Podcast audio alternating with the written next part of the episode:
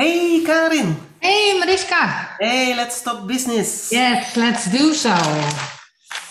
Ik, ik hoor Oh. jou al met de krant slaan. Ja, want dit, ik, ik was even in de krant aan het lezen. Toen jij zei van ja, we moeten let's talk business. En toen dacht ik, ja, dat is zo. En ik had net een heel interessant artikel gelezen. Nou, vertel eens. Nou, dat gaat over, en dan denk ik meteen, hè, even voorafgaand daaraan, wat leven we toch in een bijzondere tijd. Ja, dat, eh, dat, ik denk dat we het daar snel over eens zijn. Ja, het is een moeilijke tijd natuurlijk, hè, met die oorlog en die gasprijzen en Duitsland die ons eh, weer, eh, of tenminste Duitsland, Rusland die Duitsland, zeg maar, de, de, de knoppen aandraait, met allerlei effecten voor ons. Corona, hè, die ook weer opkomt. Ja, Ehm, ja, dus de, het, het, is een, het is een moeilijke tijd en voor menigeen een, een, een spannende tijd. Eh, maar ook een tijd waarvan je denkt van nou, wie had dit twee jaar geleden kunnen eh, verwachten? Want ik las een artikel over MKB-ondernemers, dus MKB-bedrijven. En de moeilijkheid voor MKB-bedrijven om personeel te krijgen, maar met name ook vast te houden. Net als overigens ook in andere sectoren. Hoor. Maar die MKB-bedrijven, die eh, zien zich nu geplaatst voor het feit dat als ze al personeel hebben, dat dat hooguit een jaar of drie blijft. En dat is net de periode dat dat personeel dan gaat renderen voor de organisatie. ja, ervan uitgaande dat je ze eerst moet opleiden. Exact, ja. Hè, dus dat je iemand vanaf nul zeg maar opleidt en, eh, en, en het vak eh, zeg maar eigen maakt, wat voor vak dan ook. En nu denk ik dat het ene vak wat sneller gaat dan het andere vak, hè? maar in algemene zin kan ik me daar iets bij voorstellen op het moment dat je het over bijvoorbeeld een bouwbedrijf hebt of zo. Nou, en eh, wat las ik nou eh, verder nog? Dat heel veel bedrijven tegenwoordig worden gekocht om het personeel. Ja, En ik denk, nou, dat is toch bijzonder, hè? Want de waarde van de onderneming wordt dus kennelijk bepaald door andere factoren dan twee jaar geleden. Ja. Twee jaar geleden ging het bijvoorbeeld nog over de assets die erin zaten. Of over de toekomstige kaststroom die te genereren was. Hè? Al dan niet bepaald door verschillende methodieken. De discounted cashflow methode is daar een van. En nu hebben we het over de waarde van de onderneming die bepaald wordt door het personeel dat erin zit. Omdat daarmee de groei kan worden gerealiseerd, wat, wat menig bedrijf toch eh, in het vooruitzicht heeft of noodzakelijk moet maken om überhaupt continuïteit te houden. ja, En ik dacht, dat is toch wel heel bijzonder. Hier moet ik eens met jou over hebben. ja. En, ik, en er flitsen meteen van allerlei dingen door mijn hoofd. Nou, vertel. Eh, A, ik zie meteen een verdienmodel. Dat betekent dus dat ik als ik, ik ga naar een eh, sector waar veel mensen nodig zijn, waar veel mensen gevraagd worden. Ja, Ik eh, eh, doe een uitstekend aanbod om op, op heel snel veel mensen aan te trekken. Bijvoorbeeld hogere salarissen.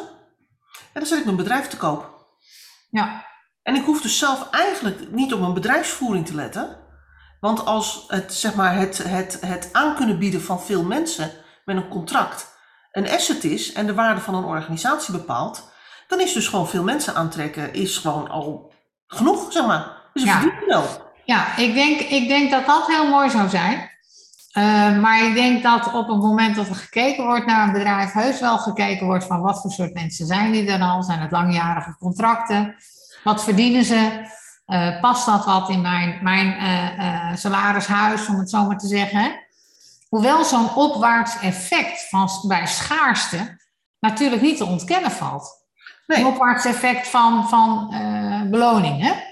Ja, het andere is dat, dat ik, eh, ik- Een tijdje geleden stond er een interview met een Chinese dame in de krant.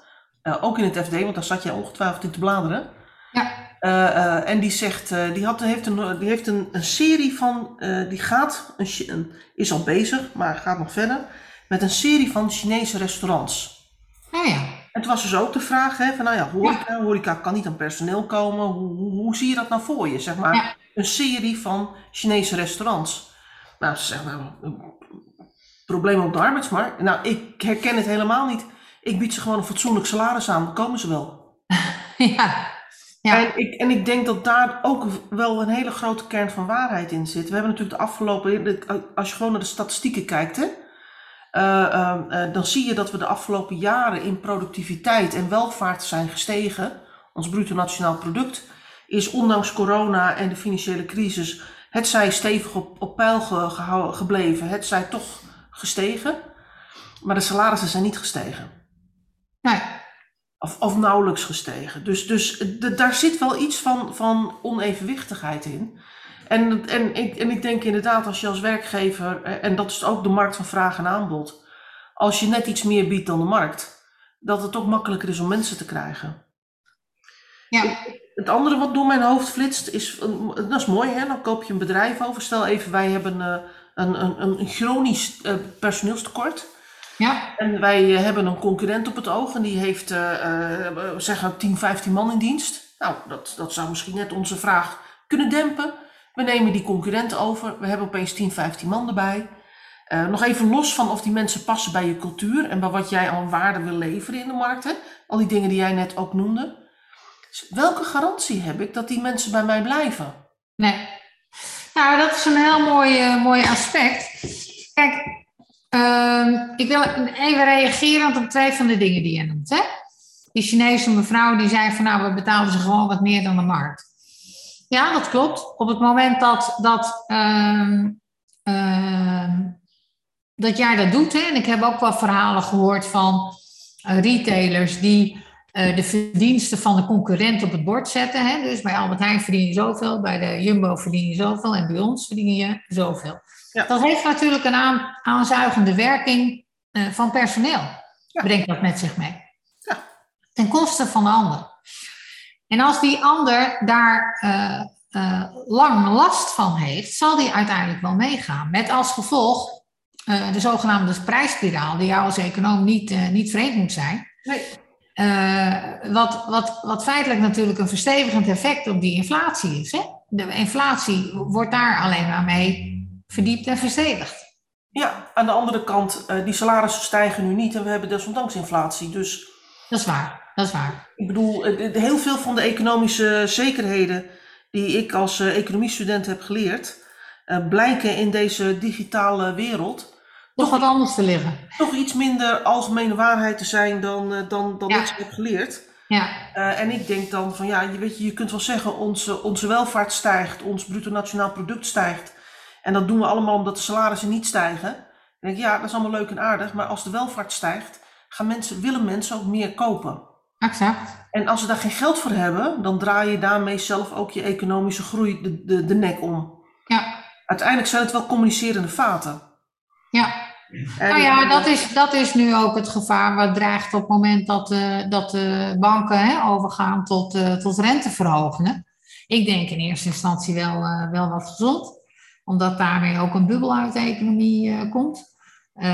maar tegelijkertijd, hè, als dat echt fors doorzet, ja, dan gaan mensen de hand op de knip houden. En dat, dat, dat, en dat kan, kan leiden tot weer een recessie in het ergste geval. Ja, wat ze volgens mij juist moeten doen, is al die, die, dat hand op de knip, wat ze noodzakelijkerwijs hebben moeten doen door corona. Hè, want we hebben nog een paar miljard aan, aan zeg maar, spaarsurplus staan. Ja. Door corona. Dat, ja. dat, we, dat we dus niet de hand op de knip moeten doen, maar dat we dus nu de uitdaging moeten nemen om dat ook weer eens te gaan besteden. Ja. En dan zul je zien dat het allemaal reuze meevalt. Maar even terug naar die MKB-onderneming, hè? Ja.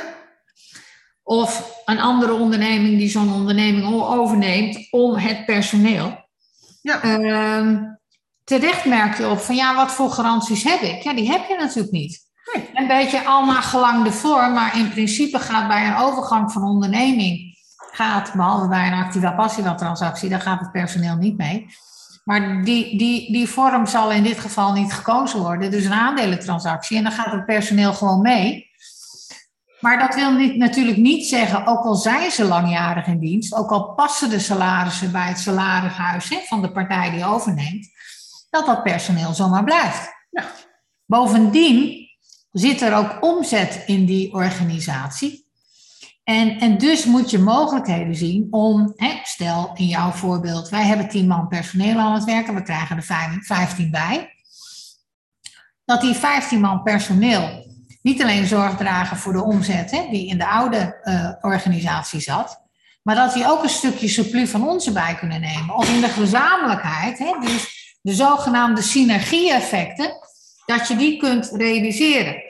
En jij begint te lachen omdat je waarschijnlijk net als uh, ik weet, hè, ik heb veel overnames en verkopen van ondernemingen begeleid.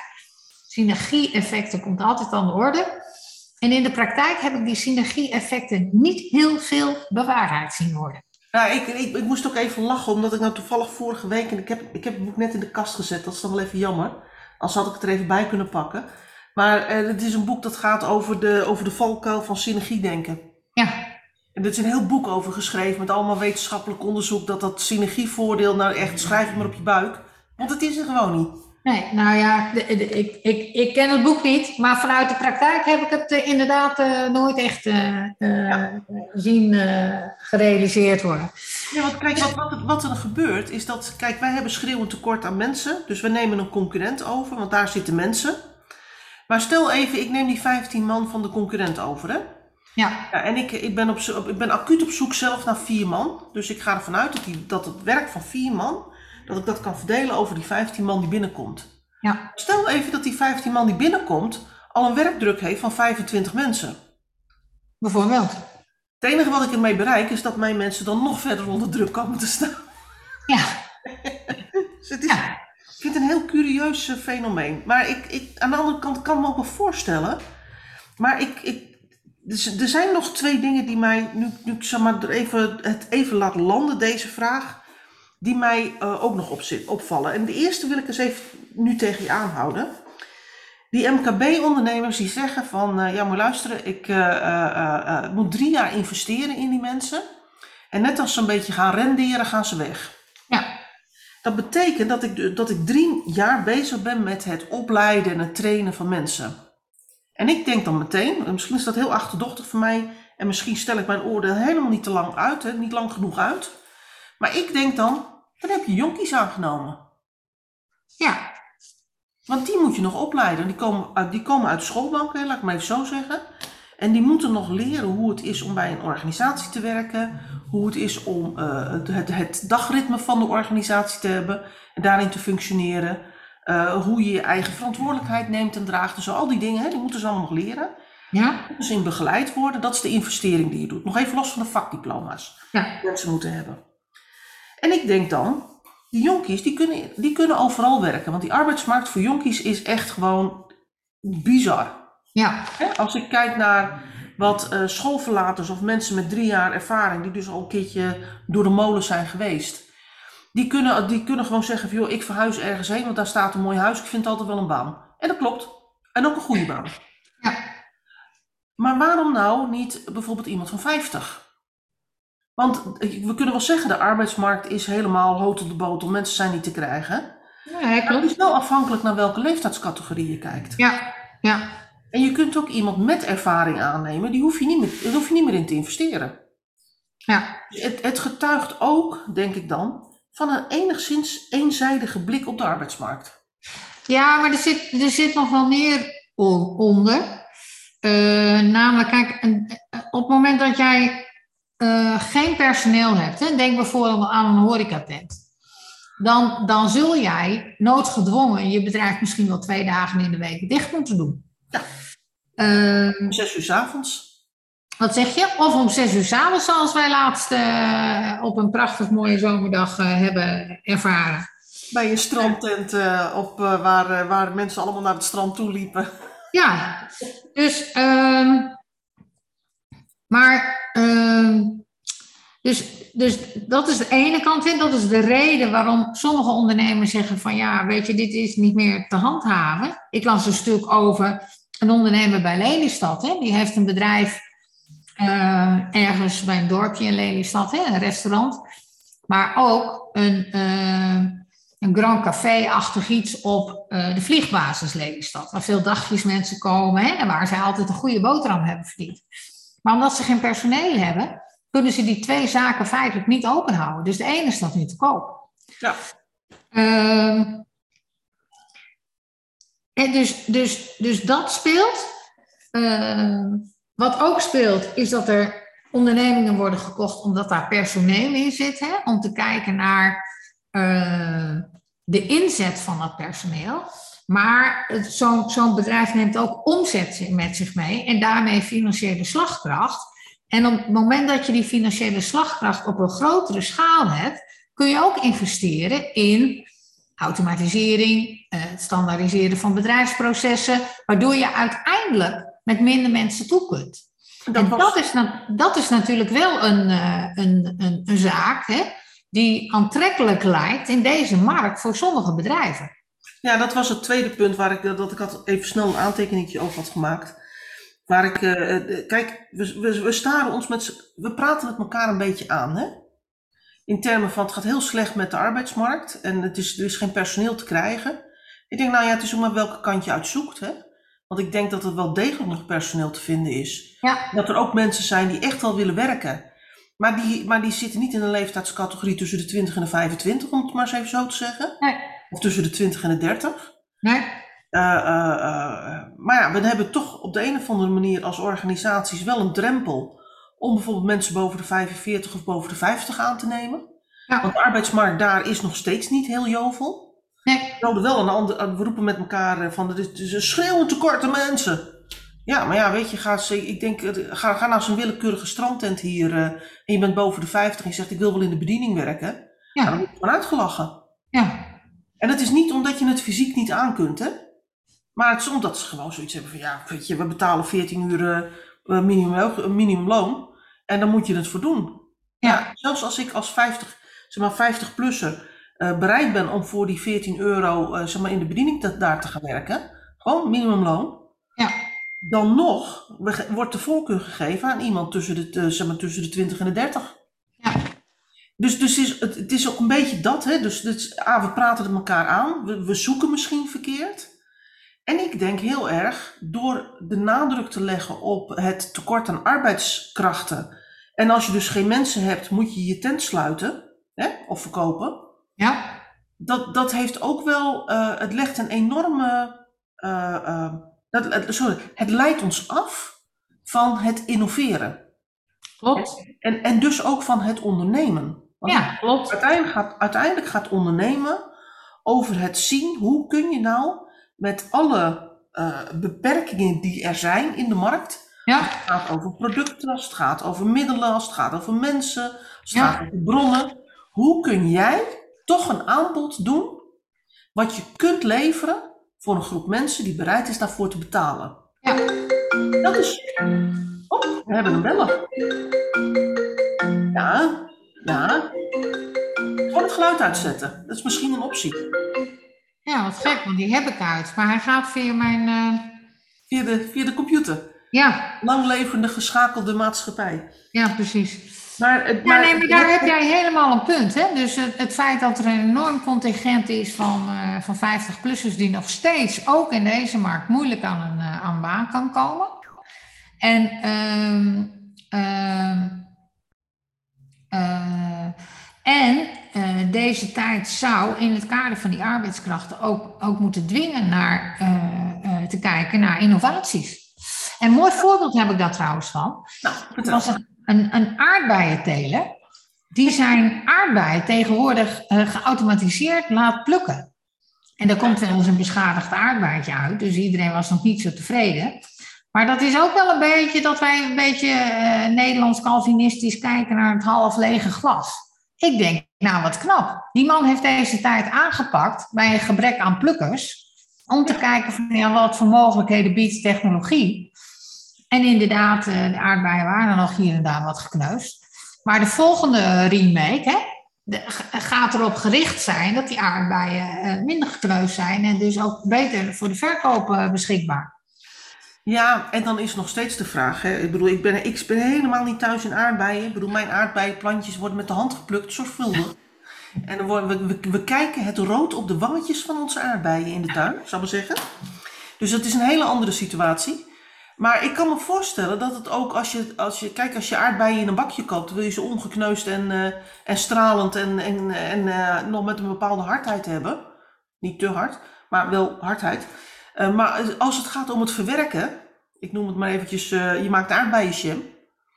dan zal het je iets minder uitmaken. Ja, Dus het is ook nog een keertje afhankelijk van wat, wat, is, de, wat is de doelgroep waaraan je het verkoopt. ja, En eh, ik denk, ik, ik denk dat, dat het, met me, het me tegen elkaar opbieden van, oh het is zo'n verschrikkelijk moeilijke arbeidsmarkt. Ja, ik kan geen mensen vinden, ik kan ook geen mensen vinden. Wat verschrikkelijk.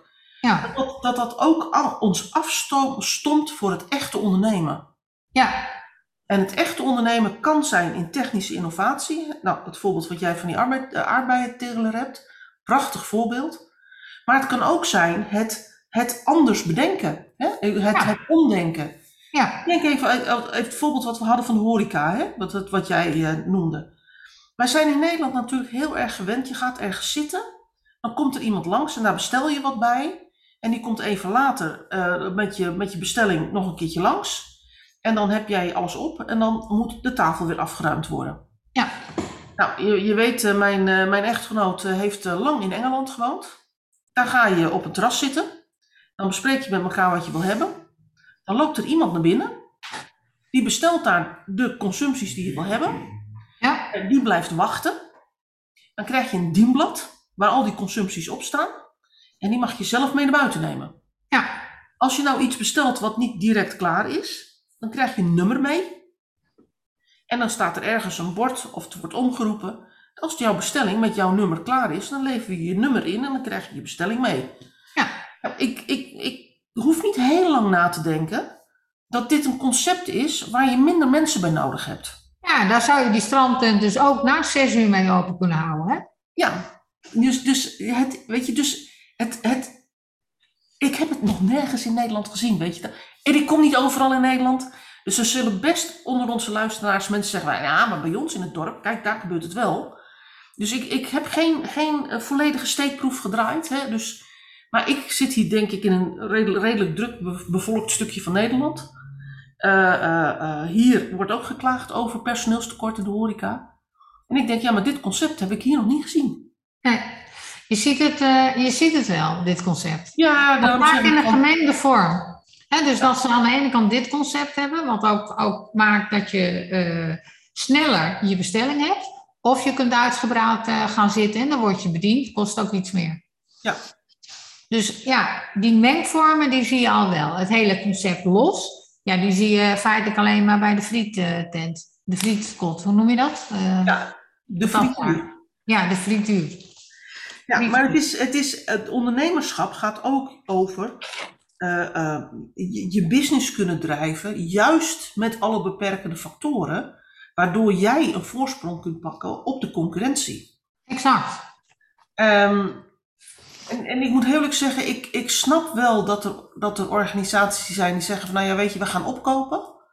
Want vroeger deed je dat, want dan had ik een locatie of een fabriek of, een, of apparatuur of machines. Tegenwoordig heb ik mensen als ik overneem. Maar de vraag is of dat een duurzame strategie is. Want A, je kunt mensen niet binden. B, de workload op die organisatie die je overneemt was waarschijnlijk ook al te groot. Dat is een aanname trouwens. Maar eh, ge- gezien de arbeidsmarkt, eh, ik, ik zou me er iets bij voor kunnen stellen. En de vraag is of je niet een veel groter probleem binnenhaalt dan dat je denkt op te lossen. Ja, kijk, als het alleen, als het alleen vanuit de perceptie, het gaat om personeel, hè, en ik heb zelf een personeelprobleem en dat is eh, zeg maar de insteek waarmee ik de overname doe, dan geef ik jou volledig gelijk. Maar het kan ook een kans zijn, hè? En vanuit kansdenken geredeneerd zou je kunnen denken van ja, op het moment dat ik, dat ik de groei die ik voor mijzelf voorzie, niet zo 1, 2, 3 uit de markt haal, hè? niet zelfstandig uit de markt haal, maar die nu verkrijg door een ander bedrijf op te kopen, zodat ik schaalgrootte heb die mij de mogelijkheden biedt om te innoveren en financiële kracht heb hè, om te innoveren, te investeren en daarmee concurrentieel voordeel te halen, dan denk ik dat het best een hele goede strategie zou kunnen zijn. Ja, ik, ik denk uiteindelijk is het een eindige strategie. Ja, Eh, eh, eh, ondernemers die wel mensen hebben en toch hun bedrijf willen verkopen, die zijn er ook maar beperkt voorradig. Daar gaat vanzelf ook schaarste aan ontstaan. ja, uiteindelijk wel. Ja, maar dat is ook economie natuurlijk, hè? Ja. Want ik, ik las ook een artikel over uitzendbureaus. De uitzendbureaus worden in hun groei beperkt. was de kop. Ik denk dat is een typisch gevalletje van nogelwieders. Natuurlijk worden die in hun groei beperkt. Er zijn geen arbeidskrachten. Ja, en een uitzendbureau zit nou eenmaal zo in elkaar dat of er zijn geen vacatures, of er zijn geen arbeidskrachten. En beide gevallen beperkte groei. Wat Alles rotbusiness eigenlijk. daartussenin geeft mogelijkheden om een aardige boterham te verdienen. Nog steeds voor uitzendbureaus. Ik wou net zeggen, wat een rotbusiness. Ja, Of je groei wordt beperkt omdat er geen vacatures zijn, of je groei wordt beperkt omdat er geen mensen zijn. Ja, Mariska, maar als je dat bedrijf doordenkt, hè, zijn, dat, zijn dat de knoppen die, die je in de gaten moet houden? Ja. Of je hebt mensen, maar geen vacatures. eh, of je hebt geen vacatures, eh, eh, maar wel mensen. Volgens mij was dat twee varianten van hetzelfde, maar dat, dat, Nou ja, in ieder geval. ja. De arbeidsmarkt en hoe je daar als ondernemer mee omgaat, in ieder geval, dat is, dat is mijn conclusie. Ja. Eh, eh, stelt je wel voor uitdagingen. Ja, En, en de vraag is of de, de oplossing altijd daar zit waar je, de, waar je het voelt knellen.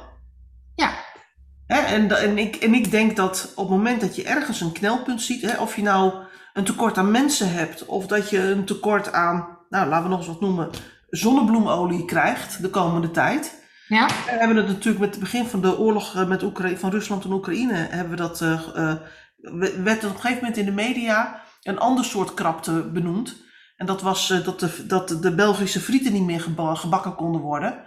Want ja, die moeten de zonnebloemolie in. En als Oekraïne plat gaat, dan is er geen zonnebloemolie. En dan kunnen we geen Belgische frieten bakken. nee, precies. Dan, ja, maar ja, weet je, weet je we hebben ook nog iets als eh algaïdeolie, ja, pinda's. Ja, En we hebben ook nog zoiets als olijfolie. ja, en kokosolie. Kom, eh, ja, dat komt allemaal uit andere, uit andere gebieden. Eh, je kunt ook zeggen van, ik, ik kan me ook, eh, misschien ben ik daar te veel marketeer voor hoor. Maar ik kan me ook voorstellen dat je adverteert de eerste Belgische friet uit olijfolie. Nu nog gezonde. Ja, Ja, ik bedoel. En ik denk, daar zit voor, voor mij ook de kern van ondernemerschap in. Is dat je niet zozeer op, zeg maar, benadrukt waar het probleem zit, waar het tekort zit. Maar dat je automatisch gaat omdenken naar wat is nou een andere benadering waardoor ik geen last meer heb van dat tekort. exact. En welke mogelijkheden zijn er wel? Ja, Ja, En, en, ik, en ik heb, eh, hè, toen jij vertelde over dit artikel en de voorbeelden, dan denk ik van ja, maar dit zijn mensen die zijn heel erg bezig met het, eh, ja, ik noem het maar eventjes toch. Ik, en ik zeg niet dat er geen problemen zijn op de arbeidsmarkt. Hè? Ik bedoel, en, en die zullen de komende jaren alleen maar groter worden, want dat weten we ook zeker. Er gaan steeds meer mensen met pensioen, ook met een hogere pensioenleeftijd. ja, Er zijn steeds minder jonkjes om het op te vullen. ja, Het is gewoon een statistisch gegeven. Dus de problemen die we nu ervaren op de arbeidsmarkt gaan niet minder worden, die gaan alleen maar meer worden. En als je dat dan weet, dan denk ik van ja, dan kun je er gewoon even helemaal in lekker inzakken van oh, wat is het toch verschrikkelijk, wat is het toch vervelend. Ik kan geen mensen vinden. En als ik geen mensen kan vinden, dan kan ik niet verder als organisatie. Of je zegt, hé, wat vervelend, ik kan geen mensen vinden. Wat kan ik nog meer doen om een business te runnen? ja, precies. En dan, en dan, ja, dan denk ik, die aardbeienteler, die heeft het gesnapt. Ja, exact.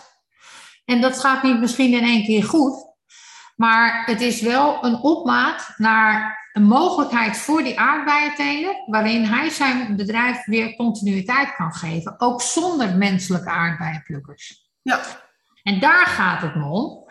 Ehm, waarbij ik nog wel, eh, denk ik, gegeven de tijd nog een mooie slotvraag eh, voor je heb. Want, ehm, eh, en ik ben wel nieuwsgierig naar jouw antwoord.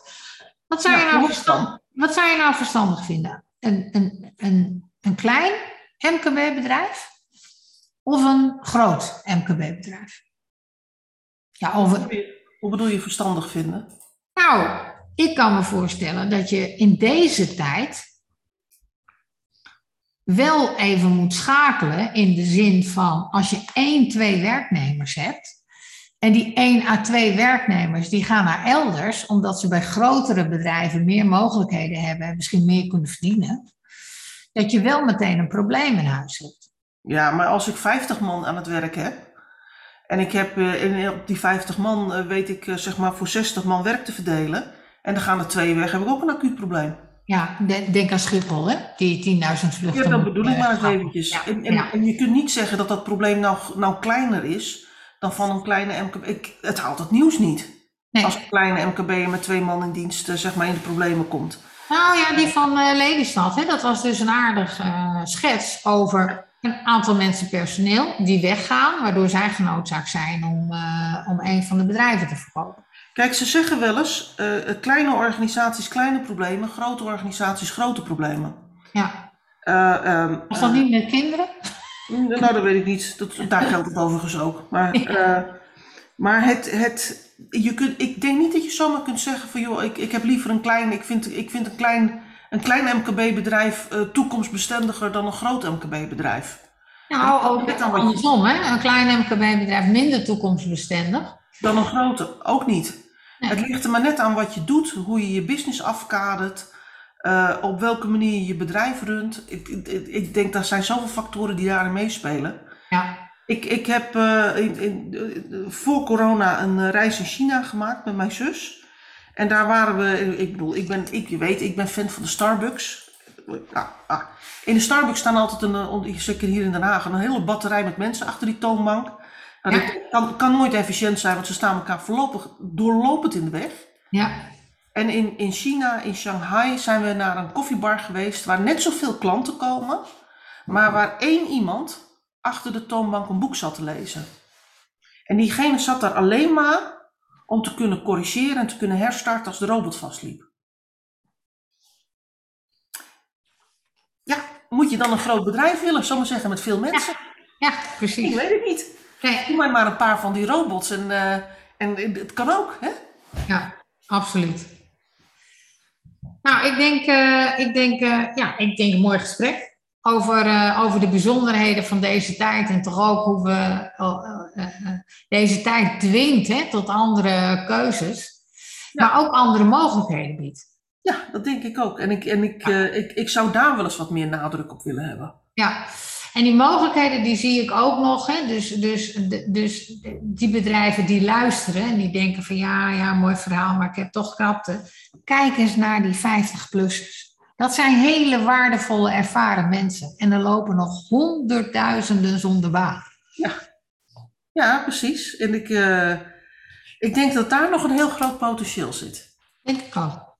Hé, we gaan hem afronden, want anders plakken we er nog weer een onderwerp aan. Dan zijn we zo weer een paar minuten verder. Gaan we Ja? Half uur ruim, voorbij. Oké. Hey, tot de volgende keer. Ja, absoluut. Hoi hoi. Hoi.